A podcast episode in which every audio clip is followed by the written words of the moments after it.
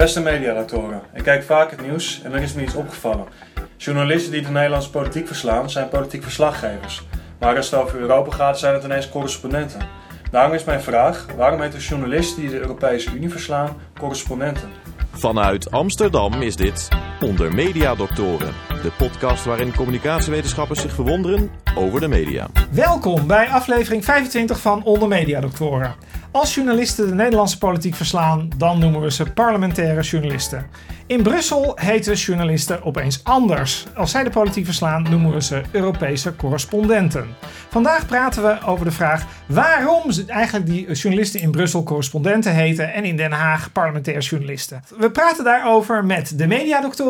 Dokter Linda Duits is helaas ziek, maar wij hebben wel onze vaste uh, dokter, mediadokter Vincent Kronen hier aanwezig. Welkom Vincent. Dag Chris. En onze gast van vandaag, uh, dokter Sophie Leggeler van de Universiteit van Amsterdam, waar zij UHD Politieke Communicatie is. Welkom.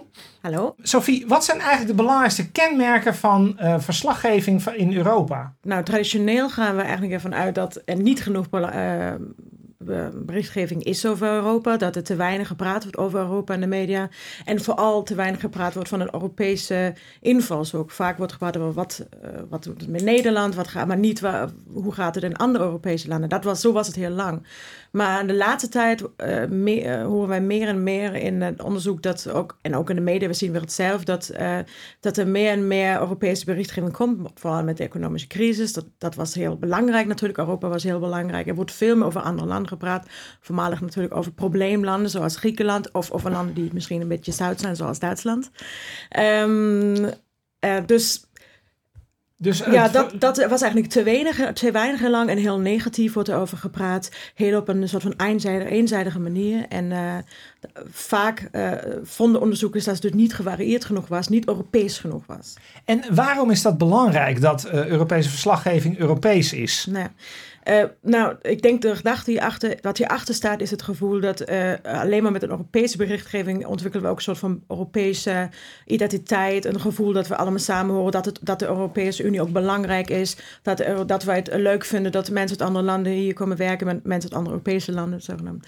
Dat, uh, dat wij een soort van freedom of movement hebben. Dus dat gevoel was voor politieke communicatie, wetenschap voor politicologen, was daar van ja, daardoor alleen maar de Europese berichtgeving kunnen wij Europese identiteit krijgen. Vincent, uh, hoe, hoe kijk jij daar tegenaan als relatief buitenstaander? Um, um, dat, dat de wetenschap vindt dat we toch aan een Europese identiteit moeten kweken, dat we een Europese identiteit moeten kweken. Nou, je ziet volgens mij uh, drie, misschien wel vier categorieën in de parlementaire verslaggeving over verslaggeving over politiek. Je hebt natuurlijk de nationale politiek, daar zijn we wel erg bij betrokken. Dat noem je de parlementaire verslaggever. Dan heb je wat doet Europa met Nederland? Dat is natuurlijk een verhaal. En dat derde perspectief, dat is wat jij schetst, Sophie dat er eigenlijk vanuit een soort Europese identiteit wordt gedacht. Hè? Wat is daar het belang van? En dat is eigenlijk wat altijd onderbelicht is gebleven. Dat is ver weg. Dan heet het ineens ook een correspondent. Er is nog een soort vierde categorie, zoals ik al aangaf. Dat is eigenlijk de politiek waar we helemaal niet over mogen stemmen, maar wel buitengewoon in geïnteresseerd zijn. Bijvoorbeeld de verkiezingen in de Verenigde Staten. Ik zou zo tien kandidaten kunnen noemen die uh, ooit verkiesbaar waren in de Amerikaanse verkiezingen, waar ik niet op mag stemmen. Maar vraag mij niet om tien kandidaten te noemen die ooit voor een Europees parlement opgingen. En dat is op zich natuurlijk heel erg vreemd. Journalisten hebben daar ook, uh, zeg maar, oriënteren ook een berichtgeving aan die verwachting dat het niemand interessant vindt. Dus het is een soort van vicious circle eigenlijk. Dat uh, mensen vinden het interessant, journalisten denken dat mensen het niet interessant vinden, berichten daardoor minder of op een makkelijkere manier of uh, minder investigatieve manier over Europa. Maar oordelen journalisten ook dat de Europarlementariërs niet mediageniek zijn? Um, wel, ja, als je vraagt, nou ja, vergelijken met de, met de mensen in Den Haag, ja, natuurlijk. Uh, wel wordt het Europese parlement nog als het meest uh, soort van sexy bron gezien. Uh, de Europese Council, het is natuurlijk uh, minst zichtbaar, maar ook omdat die natuurlijk niet open is. Daar kan je natuurlijk niet zomaar zo binnenlopen.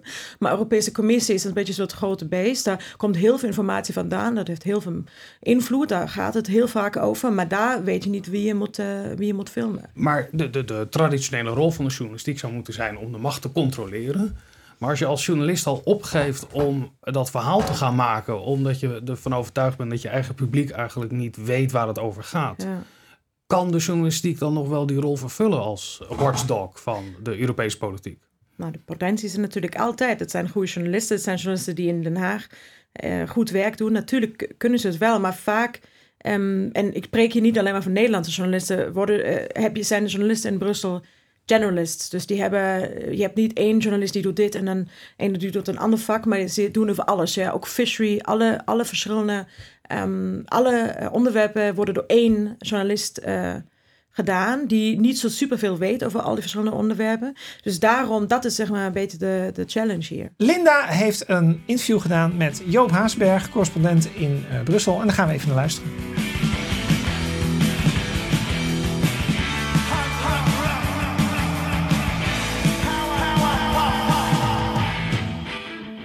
Joop Hazenberg, gevestigd jaar in Brussel als freelance correspondent onder de vlag van EU-Watcher. En sinds december werk ik voor DPA, als een Duitse persbureau. Voor mij is de grote vraag is hoe wij, um, terwijl ik hier naar een kaart over, van Europa kijk, uh, hoe wij als uh, Europeanen uh, nader tot elkaar komen. En dat heeft alles te maken met de geschiedenis, met de Tweede Wereldoorlog en ook met de, de Koude Oorlog. En ik ben eigenlijk gefascineerd door dat hele proces. En twee jaar geleden besloot ik om, uh, ik was toen 34, om te zeggen van nou weet je, misschien is dit het moment in mijn carrière om er helemaal op Europa te richten. En daarvoor moet ik naar Brussel, want uh, hier gebeurt het echt. En in Nederland is er niet zoveel belangstelling voor Brussel. Dus ik heb een uh, koffer gepakt waar ook wat drammen in zaten. En ik ben naar Brussel gegaan. De, de realiteit hier is uh, nogal complex. Er zijn ontzettend veel stakeholders. Uh, de Europese Commissie, de Europese Raad, het Europese Parlement is gigantisch groot.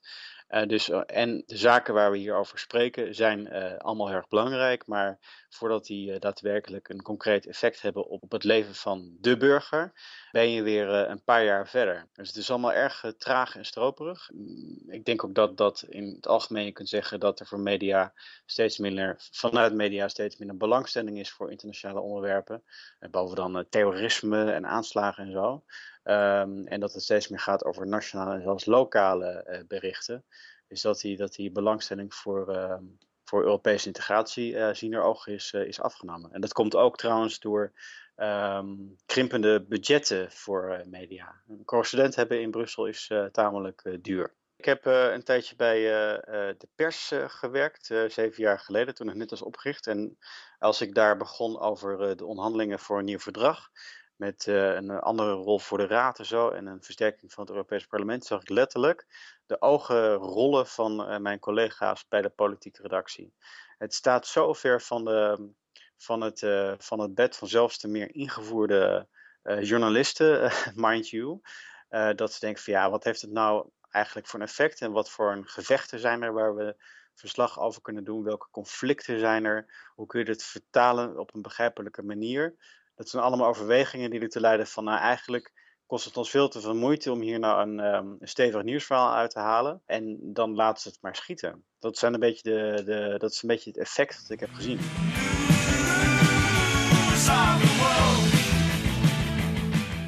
Nee, ik ben echt uh, correspondent. Uh, ik probeer zowel binnen de commissie als binnen het parlement als bij de uh, Europese Raad, maar bij de lidstaten. Die hebben ook hele grote vertegenwoordigingen hier. En dan ook nog eens een keer al die lobbyclubs om daar mijn informatie van te halen, om zo'n compleet beeld te schetsen van uh, die discussie. Ik, bedoel, ik, ben nu bijvoorbeeld vandaag bezig met een stuk over hervorming van copyrightregels. Nou, daarvoor moet je naar de, commissie, daarvoor moet je een beetje je oor te luisteren bij het parlement. Je moet kijken naar lidstaten die wat verder willen, lidstaten als Duitsland die heel conservatief zijn. Je moet dat hele, zeg maar, dat hele krachtenveld moet je in kaart brengen. En dan moet je ook nog eens een keer berekening houden met uh, de lobby vanuit uh, NGO's, maar ook vanuit het bedrijfsleven.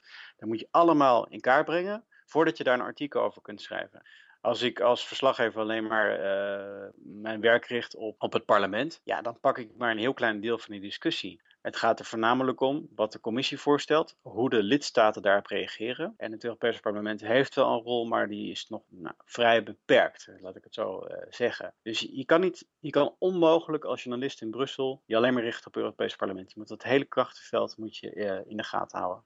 Het is alsof je in Nederland in Den Haag zou zitten en je zou moeten schrijven over onderwijsbeleid en morgen over hervorming in de gezondheidssector. En dat je dan kijkt naar uh, uh, het duurzaamheidsbeleid van de Nederlandse regering En dan ook nog eens een keer met alle stakeholders in al die velden contacten moet houden. En je ingangen moet hebben bij de ministeries. Dan moet je een soort super, super journalist zijn. Dat is in Brussel natuurlijk helemaal moeilijk, omdat we hier met 28 lidstaten te maken hebben met een project wat nog steeds volledig in ontwikkeling is en iedere keer weer verandert. Dus het is ook heel erg onvoorspelbaar.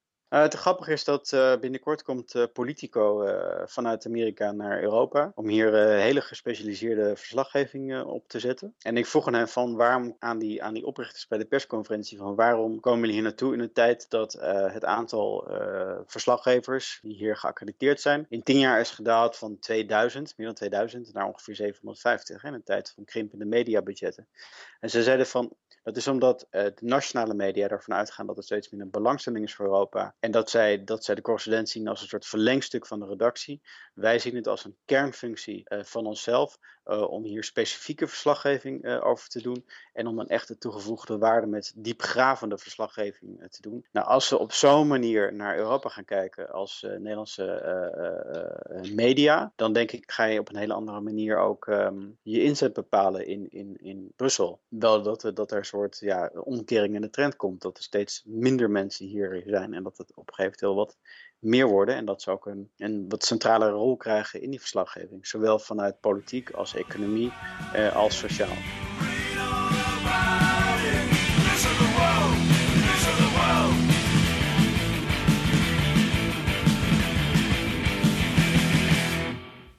Dat was Linda Duits in uh, gesprek met Joop Hazenberg, uh, freelancer en uh, correspondent voor DPA in Brussel. Um, Sophie, wat viel je op? Krimpende mediabudget, dat is natuurlijk iets wat heel um, belangrijk is als je onderzoek doet naar correspondenten, naar journalisten in Brussel. Er wordt heel vaak gepraat over een zogenoemd krimpend Brussel pers, perscore en de, effecten hiervan op, uh, op kritische berichtgeving vanuit Brussel. En dat is voor mij een heel belangrijk punt waar we verder naar moeten kijken. Van uh, wat voor effecten heeft krimpende perscore op uh, kwaliteit van berichtgeving. Maar het is natuurlijk wel een beetje gek, want ik bedoel, we hadden het eerder over. Er was eerst um, eigenlijk, er was wel meer, kennelijk wel meer verslaggeving dan er nu is. Want het is altijd ja. te weinig geweest. Maar er is nu wel meer vanuit de Europese identiteit. Dus dat is beter geworden. Terwijl dit dan is, dus wel minder kritisch is geworden. Ja. Nou, er is wel meer berichtgeving, maar je kunt natuurlijk ook over Europa praten vanuit Amsterdam. Dus daar moet je niet in Brussel voor zitten. Uh, ik heb niet gezegd dat de kwaliteit beter is geworden. Is uh, meer geworden. Europa is natuurlijk ook politiek belangrijker geworden in de laatste jaren. als het over economie gaat, als het over geld gaat, als het over immigratie gaat, daar speelt Europa een grote rol. Ook terrorisme. Um, als het over de relatie tussen Europa en VS gaat. Uh, dus er is meer en het is Europese uh, geworden. Er wordt veel meer over de crisis gepraat, wat een echt een soort van Europees probleem is. Eigenlijk zo wordt het vaak geframed. Maar uh, ik maak me wel eens een beetje zorgen over kritische berichtgeving vanuit Brussel. Omdat wat hij ook zei, was dat er heel veel stakeholders zitten in Brussel. Lobbyisten, lobbyisme is ongelooflijk groot in Brussel. Maar hier wordt niet vaak over gepraat. Uh, journalisten praten niet vaak hierover. Ik denk omdat ze misschien vaak niet de tijd hebben om ook echt een beetje achter de schermen te kijken. Wat gebeurt er eigenlijk in Brussel? Hoe, wordt hier politiek gemaakt? Uh, je hebt hier zoveel, je hebt zoveel verschillende instituties die daar zitten. Zoveel belangstellingsgroepen, lobbyisten, lobbyisten um, grote bedrijven die, uh, ik bedoel, die heel veel geld uitgeven in Brussel aan lobbyisme. Dus maar dat betekent dus eigenlijk inderdaad dat je dus een soort superjournalist moet zijn ja. als correspondent ja. daar. Als je dat even vergelijkt met die parlementaire journalist die hier in Den Haag zit, die heeft het eigenlijk maar makkelijk. Die heeft het misschien niet makkelijk, maar die heeft wel een beetje specifieke uh, zeg maar opdracht. Uh, wat mij ook zo. De ene dag gaat, ga je iets doen over gezondheid, de volgende dag moet je iets doen over, um, over financiën. De dag daarna gaat het over migratie. En dat heb je niet zo uh, als je in, in Den Haag zit. Dat heb je wel ook een beetje, omdat, nou ja, krimpende mediabudgetten. We moeten allemaal meer kunnen en een soort van multimedia journalist zijn. En uh, kunnen, over alles kunnen praten en in heel weinig tijd heel veel produceren. Maar dat is in Brussel heel erg extreem. Ja, die krimpende mediabudgetten, die, dat dwingt natuurlijk redacties of uitgeverijen tot keuzes. Dus het is niet een noodzakelijk iets dat daar minder mensen komen, maar er wordt een duidelijke keuze gemaakt. De vraag die je zou kunnen stellen is: waarom wordt die keuze gemaakt? En ik denk dat dat heel erg te maken heeft met dat we lokale politiek of parlementaire journalistiek heel erg gaat over winnaars en verliezers. En stel nou dat die, uh, die sportwedstrijd, wat we ervan maken in een nationale politiek, maar die wedstrijd wordt heel ver weg gespeeld. Uh, we kennen de spelregels niet allemaal precies uh, hoe dat in elkaar zit. Er zijn ontzettend veel spelers. En je kan aan het einde van de wedstrijd kan je niet eens benoemen wie een puntje meer heeft, of wie hoger in de peilingen ligt, of wie eigenlijk hè, deze horse race heeft gewonnen. Dat maakt het minder aantrekkelijk om over te berichten. Dus daarmee komen er ook minder journalisten in Brussel. Ik denk dat dat meer de machinatie is dan dat het alleen over schaarste gaat. Ja, dat, dat, dat is het natuurlijk ook. De Europese politiek is gewoon een beetje anders dan uh, dingen die in Den Haag gebeuren. Allemaal een half uurtje verderop van waar je zit. Dat, het is gewoon een beetje zoals um, de journalist ook zei, het is heel complex. 28 lidstaten, iedereen heeft belangen. De politiek wordt heel anders gemaakt. Als je, ik neem aan dat als je in de Europese Commissie werkt, nu zit in een kamer met mensen uit 15 verschillende landen, dat het ook moeilijk is om samen te werken. Hetzelfde geldt voor, studenten, eh, voor, voor journalisten die in een persconferentie zitten. Europa zoekt nieuwe tolken in Brussel. Dit is niet zomaar een klus, want een juiste vertaling van bijvoorbeeld de zuigkracht van stofzuigers is erg belangrijk. Het goed vertalen van iemand zijn of haar woorden is essentieel, maar er komt meer bij kijken. Iets vertolken is niet iets mechanisch omzetten, maar is ook eigenlijk de ziel leggen in het betoog, zoals de originele spreker uh, die in zijn betoog heeft gelegd. Juist, maar waarom nieuwe tolken? Wat is er mis met de huidige tolken? De Europese Unie zoekt meer tolken, omdat uh, op het ogenblik de tolken die er zijn aan het vergrijzen zijn. Ze zijn gewoon te oud dus. Stel, ik ben serieus geïnteresseerd. Waar moet ik dan aan voldoen om tolk te worden in het Europees Parlement? Tolken moeten beschikken over een toch wel bijzondere persoonlijkheid. Uiteraard tolkentalent, nieuwsgierigheid, leergierigheid, belangstelling voor eh, de Europese actualiteit. Echter hebben we in 2013 geleerd dat je ook prima schizofreen kan zijn om als tolk aan de slag te gaan. Chamsanga Yanchi, Dia, de tolk tijdens de herdenkingsceremonie van Nelson Mandela in Zuid-Afrika, heeft naar eigen zeggen last van die ziekte. Tijdens de ceremonie was hij helemaal niet bezig met het vertalen van grote wereldleiders. Hij stond gewoon met zijn handen te wapperen. Het gaat dus nog wel eens mis met vertalen. Is het niet veel beter om gewoon één taal te spreken in het Europese parlement? Dat is veel goedkoper en veel gemakkelijker. Bijvoorbeeld de Duitse taal. Dit is de meest gesproken taal in Europa en zo kan het Europees volkslied gewoon blijven bestaan.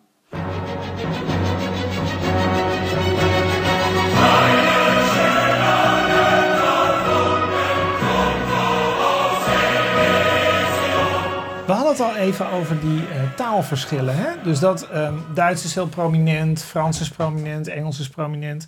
Maar als je Ests uh, spreekt, of je spreekt Zweeds, of je spreekt naar Nederlands, dan is dat toch een beetje anders. Wat, wat heeft dat voor invloed op die berichtgeving? Maakt dat, maakt, maken die talen wat uit? Het heeft, het heeft heel veel invloed op berichtgeving. Het heeft invloed op. Um, ik bedoel, als je in, in Brussel zit, dan moet je natuurlijk Engels praten. Dat je moet Frans eigenlijk. Je moet wel ook Frans kunnen praten. En wat, wel, wat ook een punt is dat mensen uit Estland bijvoorbeeld. Eh, Estland heeft. De laatste keer dat ik contact had, had maar één correspondent. Misschien hebben ze nu weer meer of zelfs helemaal geen correspondent meer. Um, is dat het die mensen die in eh, Brussel zitten vaak ook uh, berichtgeving doen over Frankrijk en Benelux. Dus uh, die hebben um, heel veel te doen. En worden, kan je eigenlijk bijna gelijkzetten met bijvoorbeeld uh, correspondenten vanuit Brazilië of uit Zuid-Amerika of uit de VS, die vaak dat ook doen, die dan West-Europa, Oost-Europa doen of zoiets. Maar dat het van een Europese lidstaat het geval is, dat is echt een, een probleem. En zo komen wij bij het einde van deze uitzending. En dan gaan wij terug naar onze vraag. Waarom heten journalisten die de Europese Unie verslaan correspondenten? Vincent? Ze heten correspondenten omdat de Europese Unie heel erg ver weg is. En als iets heel erg ver weg is, dan sturen we de correspondenten heen. En dat zijn eigenlijk een soort crocodile dundies die wij hebben, die we naar een verre vreemde orde sturen en daarover berichten. Die zitten in Amerika of in China en andere gebieden die heel ver weg zijn, zoals de Europese Unie. Dingen die we niet zo heel goed begrijpen, zoals jij al aangaf, die eerder een taak hebben om te duiden dan daar kritisch commentaar op te geven. Daarom heten ze uh, correspondenten. En Sophie? Um, Ik ben het wel met uh, Vincent eens hierover, maar ik vind het juist fout. Ik vind dat we het niet meer correspondenten moeten noemen, omdat ze over nationale politiek praten, omdat het, ze heel anders zijn dan mensen uit perscorps in bijvoorbeeld Washington, Londen, uh, dus buitenlands uh, correspondenten. Zijn geen buitenlands correspondenten. Dus we moeten ze ook niet meer correspondenten noemen, we moeten ze Europese journalisten noemen, we moeten ze Europese parlementaire journalisten noemen. Chris, wat denk jij? Nou, de, de, de Brussel is een andere planeet dan Nederland. Um, en dus heten ze inderdaad correspondenten. En dat is, eigenlijk is dat onterecht. Want een correspondent gaat eigenlijk naar een. zou eigenlijk bijvoorbeeld verslag moeten doen van een politiek systeem. Waar wij geen invloed op kunnen uitoefenen. En dan mag je het gewoon uitleggen. En dan hoef je verder niet al te kritisch te zijn. Um, ja, en omdat wij eigenlijk van, net als van Amerika en Brazilië. Uh, weinig van Europa begrijpen. hebben we daar correspondenten zitten. die ons eerst de komende jaren nog maar eens moeten uitleggen. hoe Europa dan werkt. En dan komen we misschien ooit aan die kritische verslaggeving toe. Daarmee zijn wij aan het eind gekomen van deze aflevering. Dat was aflevering 25. Ik dank onze gast Sophie Leggeler en wij zijn er binnenkort weer. Dag. Onder Mediadoktoren is een podcast van Chris Alberts, Vincent Kronen en Linda Duits. Meer informatie vindt u op ondermediadoktoren.nl.